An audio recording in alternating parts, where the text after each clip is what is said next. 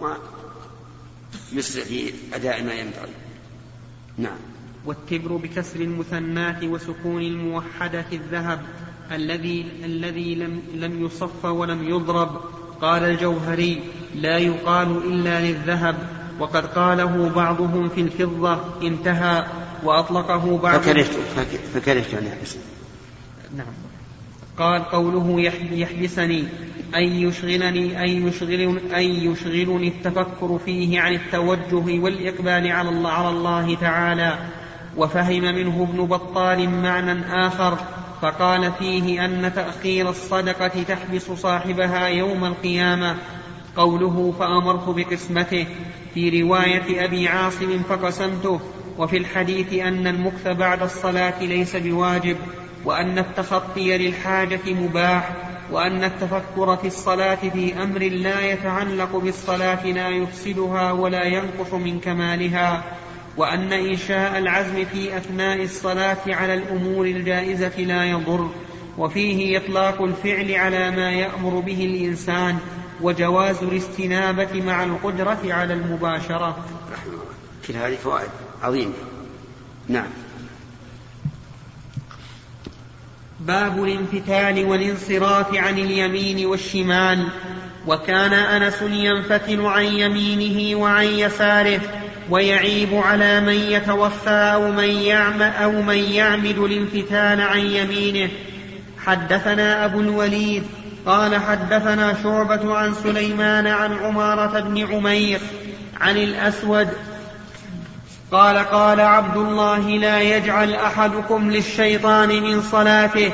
يرى أن حقا عليه الا ينصرف إلا عن يمينه. لقد رأيت النبي صلى الله عليه وسلم كثيرا ينصرف عن يساره. هذا فيه دليل على أن الانصراف يكون عن اليمين وعن الشمال. وذلك إذا انصرف ليستقبل الناس. وليس المعنى إذا انصرف ليقوم إلى إلى بيته هذا إذا انصرف ليقوم إلى بيته يتجه إلى أي شيء؟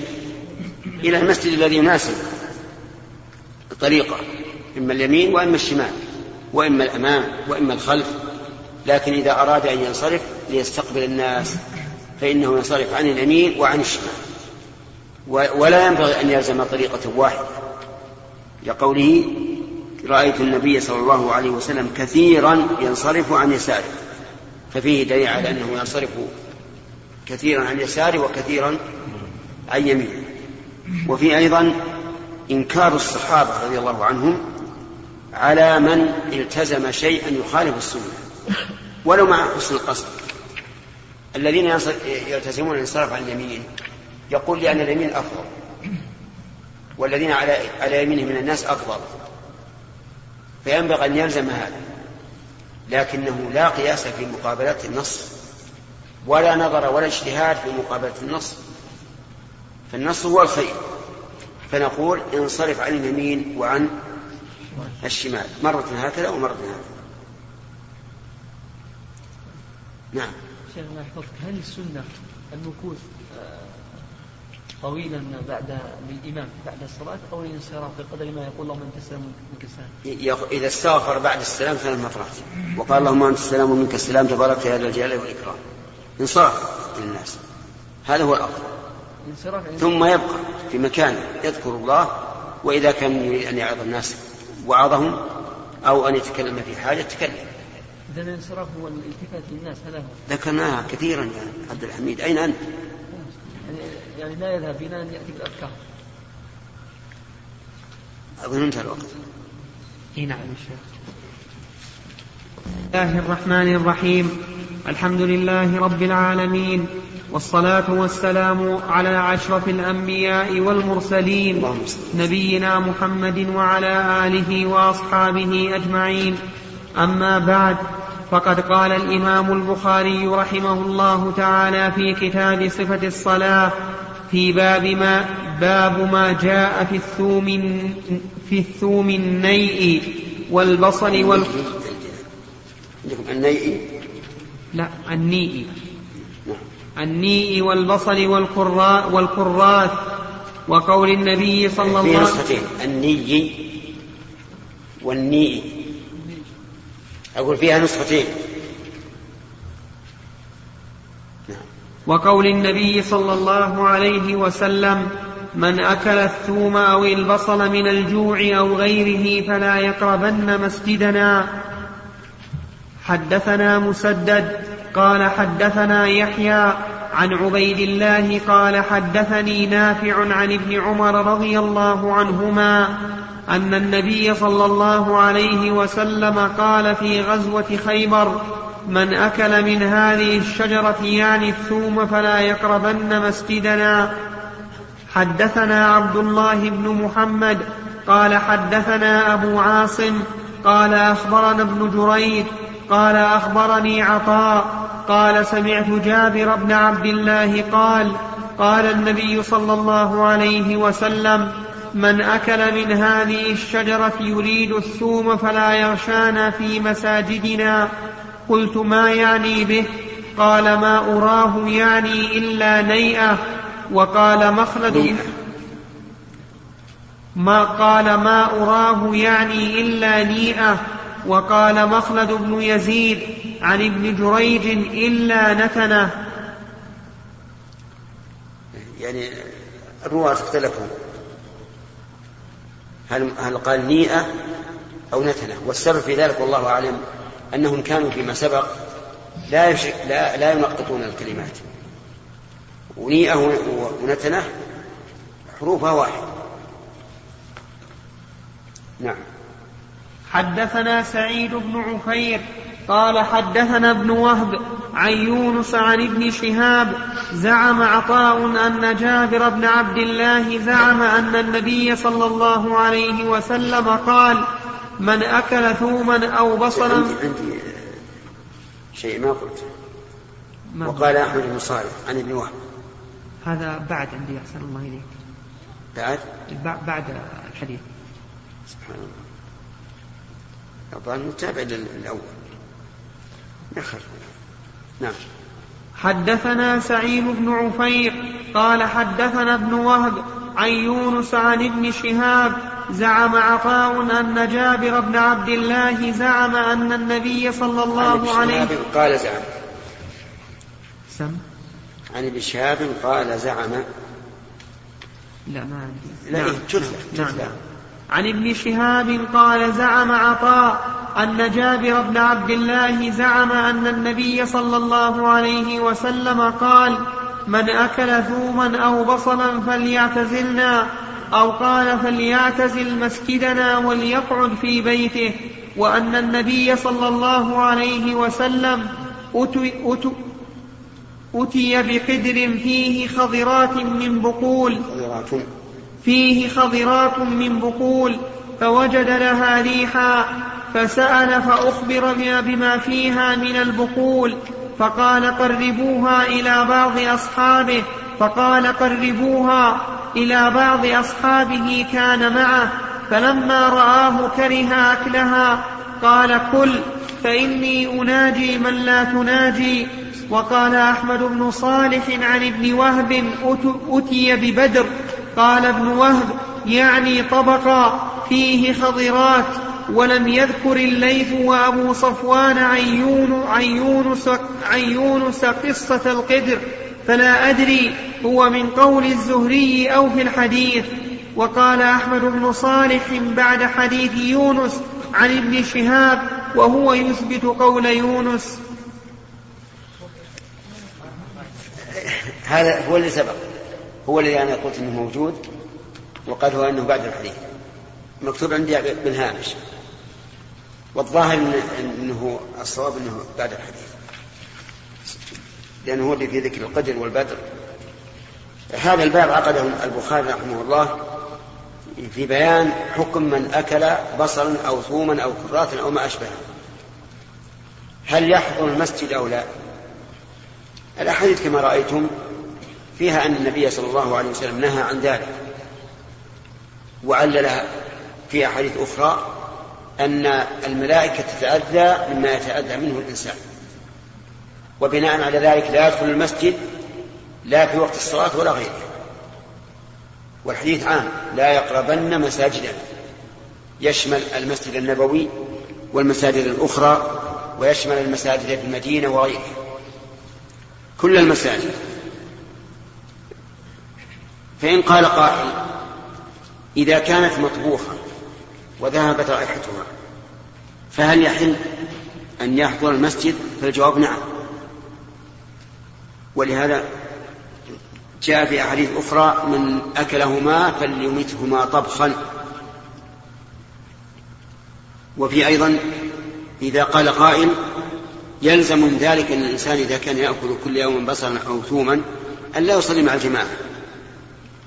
نقول نعم لكن هذا ليس رخصة له بل ذلك لدفع أذاه وعلى هذا فلا ينال أجر فلا ينال أجر صلاة الجماعة. فإن قال قائل أليس حضور صلاة الجماعة واجبا؟ فالجواب بلى. يلزم من ذلك أن لا أن يكون أكل البصل حراما. لأنه يؤدي إلى إلى ترك واجب. والجواب نعم إن أكله لذلك حرم حرم الأكل.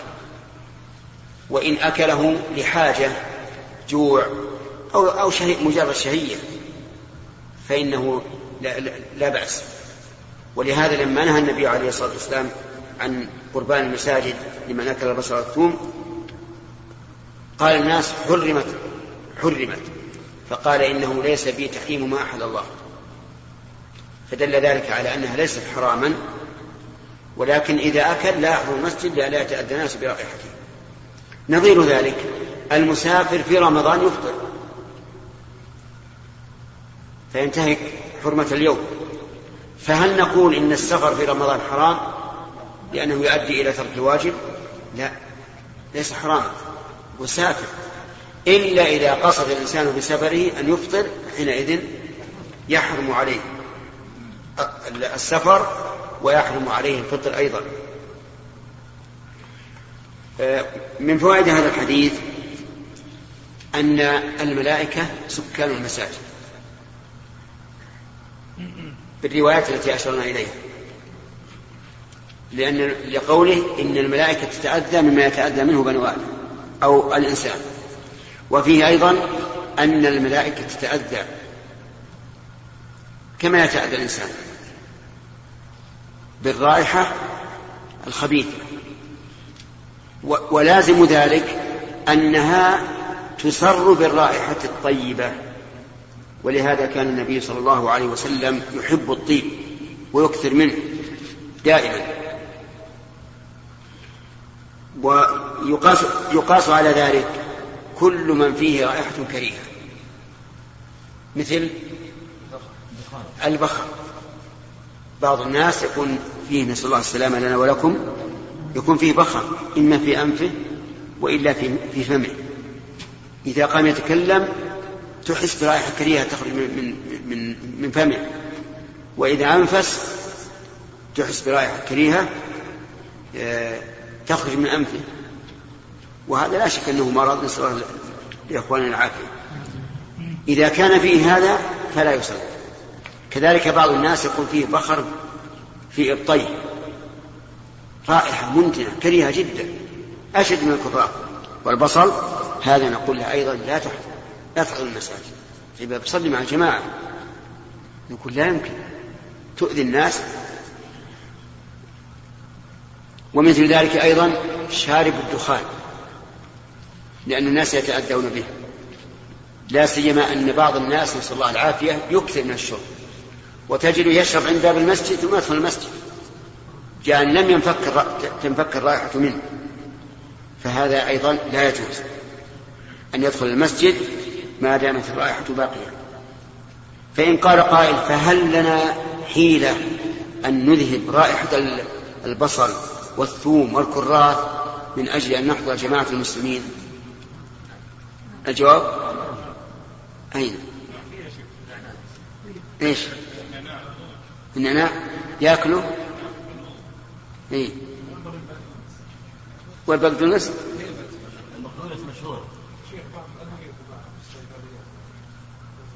الواقع يا شيخ. الرماد اللي بيك الرماد سبحان الله. الواقع يا شيخ من كل اللي ذكره الإخوان إيه؟ يخفف تخفيف يسير جدا. ولا ما يروح الرأي الثوم اقوى أقوى من إنه يذهب النعناع أو البقدونس أنا كنت كنت أعهد أن مضغ الجريدة الرطبة يذهب أي جريدة؟ أي جريدة؟ من النخل. من النخل. من النخل. جريدة. نعم. فلا أدري. لكن يبقى قد يذهب ما في ما في الفم من الرائحة. لكن إذا تجشأ الإنسان فلا بد أن تخرج الرائحة من المعدة. وقد قيل لي أيضا إن الثوم له نفوذ قوي حتى إنه ينفذ مع العرق وتشم الرائحة بالعرق. صحيح نعم. صحيح. هذا ما ما, ما يروح ما يروح الظاهر. مضى البقدونس ولا النعناع ولا غيره. نعم. هنا بعض الناس يا شيخ من لا الرماد هذا غير وارد يا شيخ. من يعتاد الثوم تجد رائحة الثوم حتى في ثيابه وغفرته اي نعم. يمكن من العرق ولهذا لا ينبغي الإنسان أن يأكل إلا الحاجة خصوصا الثوم. هنا نعم. نعم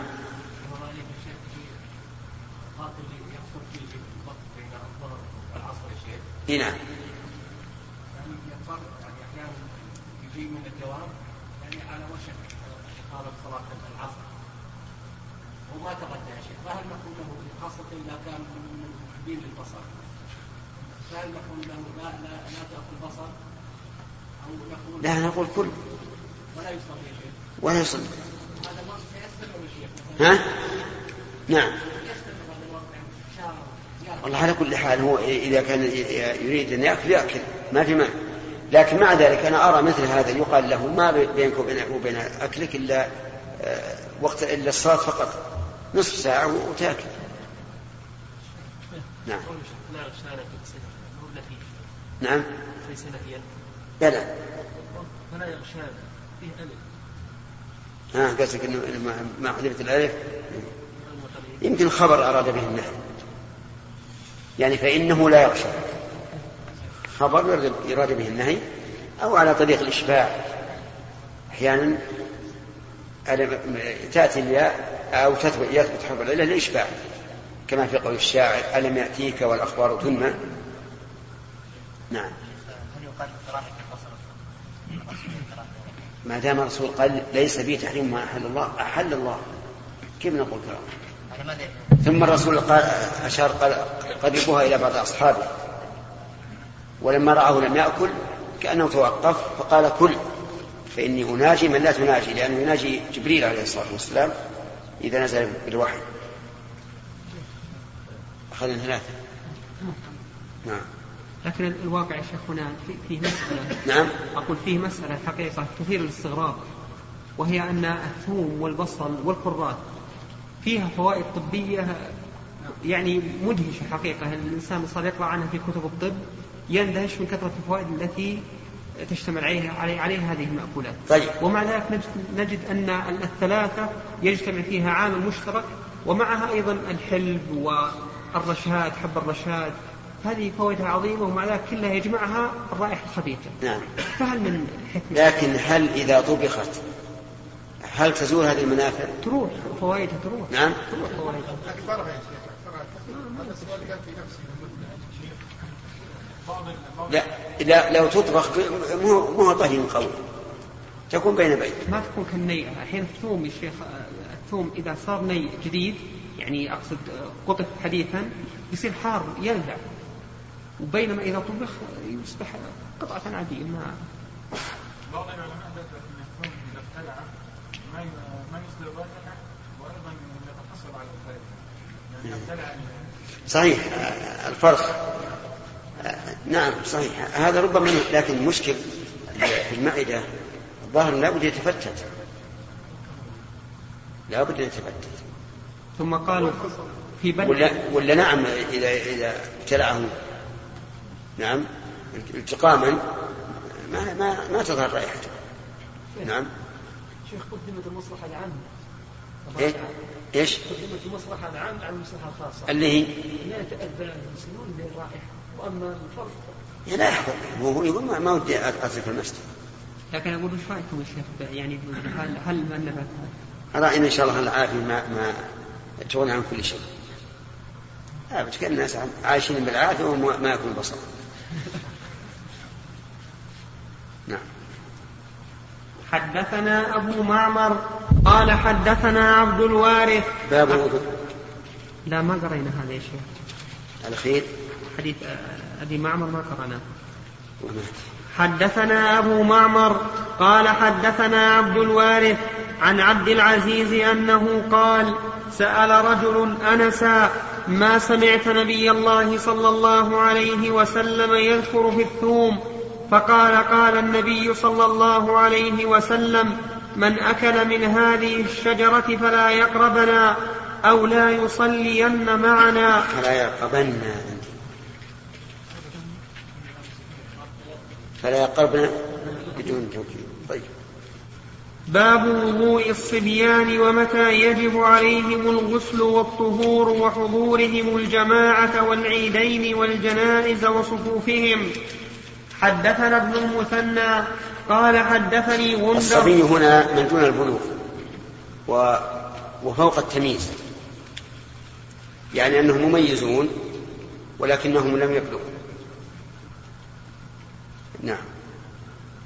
حدثنا ابن المثنى قال حدثني غندر قال حدثنا شعبة قال سمعت سليمان الشيباني قال سمعت قال سمعت سليمان الشيباني أنه قال سمعت الشعبي قال أخبرني من مر مع النبي صلى الله عليه وسلم على قبر منبوذ فأمهم وصفوا عليه فقلت يا أبا عمرو من حدثك؟ فقال ابن عباس. وجه الدلالة أن ابن عباس صف معهم وكان صغيرا.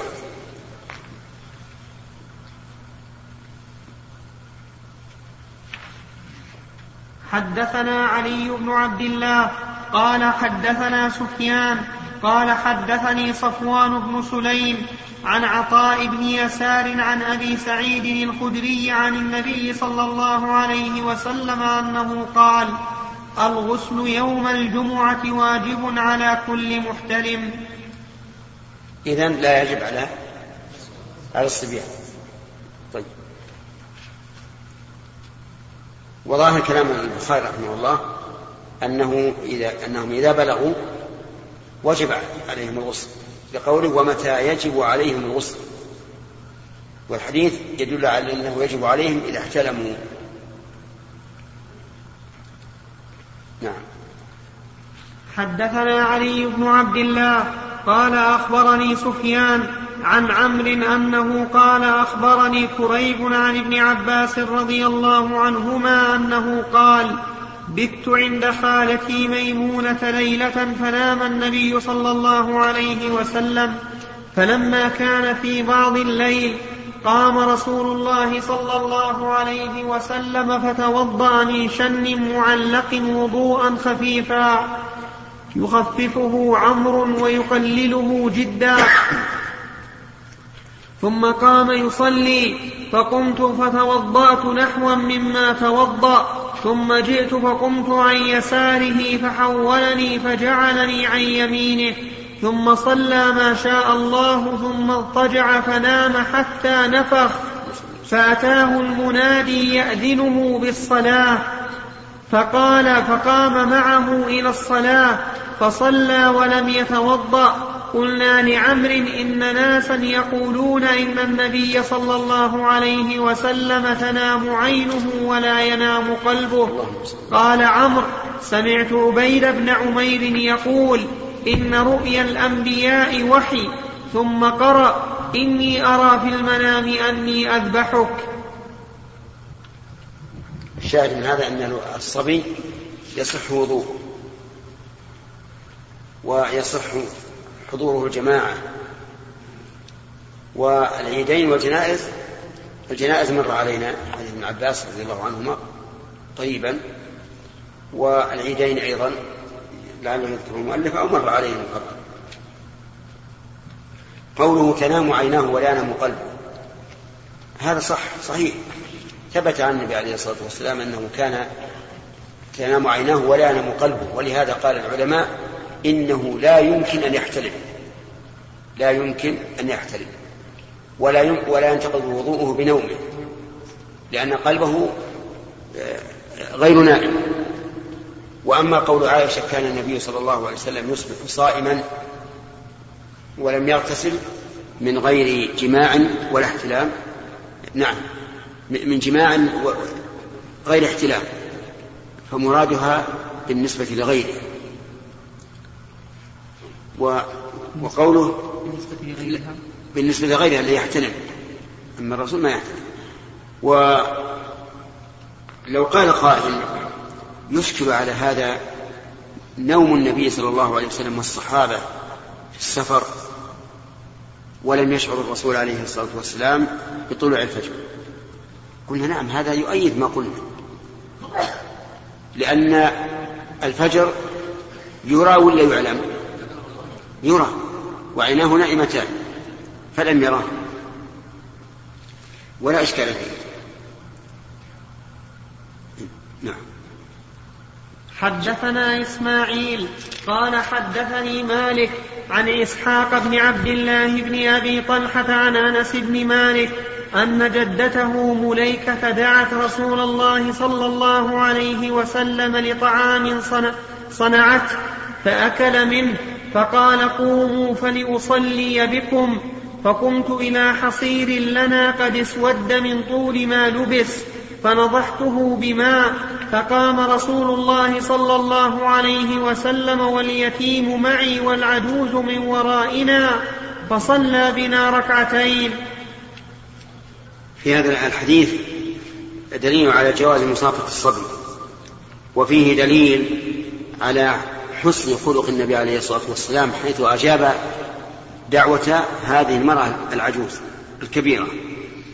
وفيه دليل على ما كان في قلوب الصحابة من محبة الرسول عليه الصلاة والسلام. حتى النساء يدعونه إلى الطعام.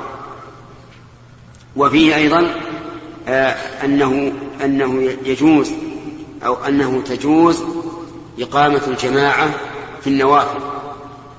ولكن هذا ليس دائما بل أحيانا. كما كان الرسول عليه الصلاة والسلام يفعل في مثل هذه القضية وكما كان يفعل في صلاة الليل. قام معه عبد الله بن مسعود قام معه حذيفة قام معه عبد الله بن عباس. هذا أحيانا لا بأس به.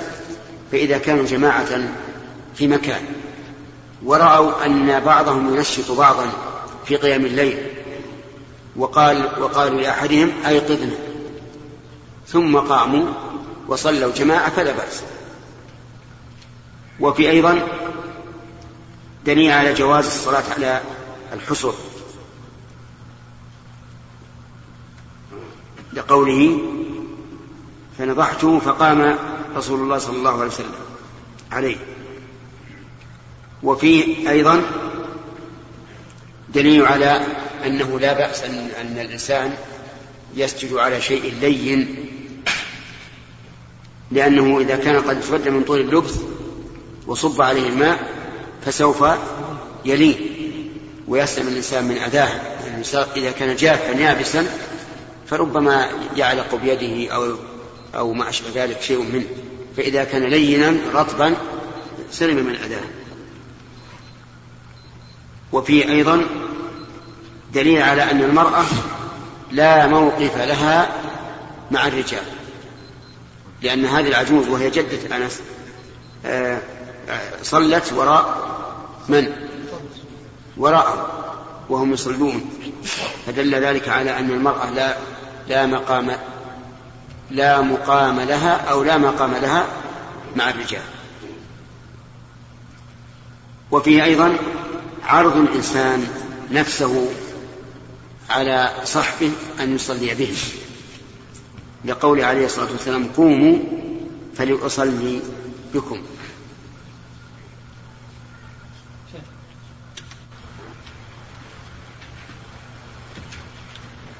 نقرأ.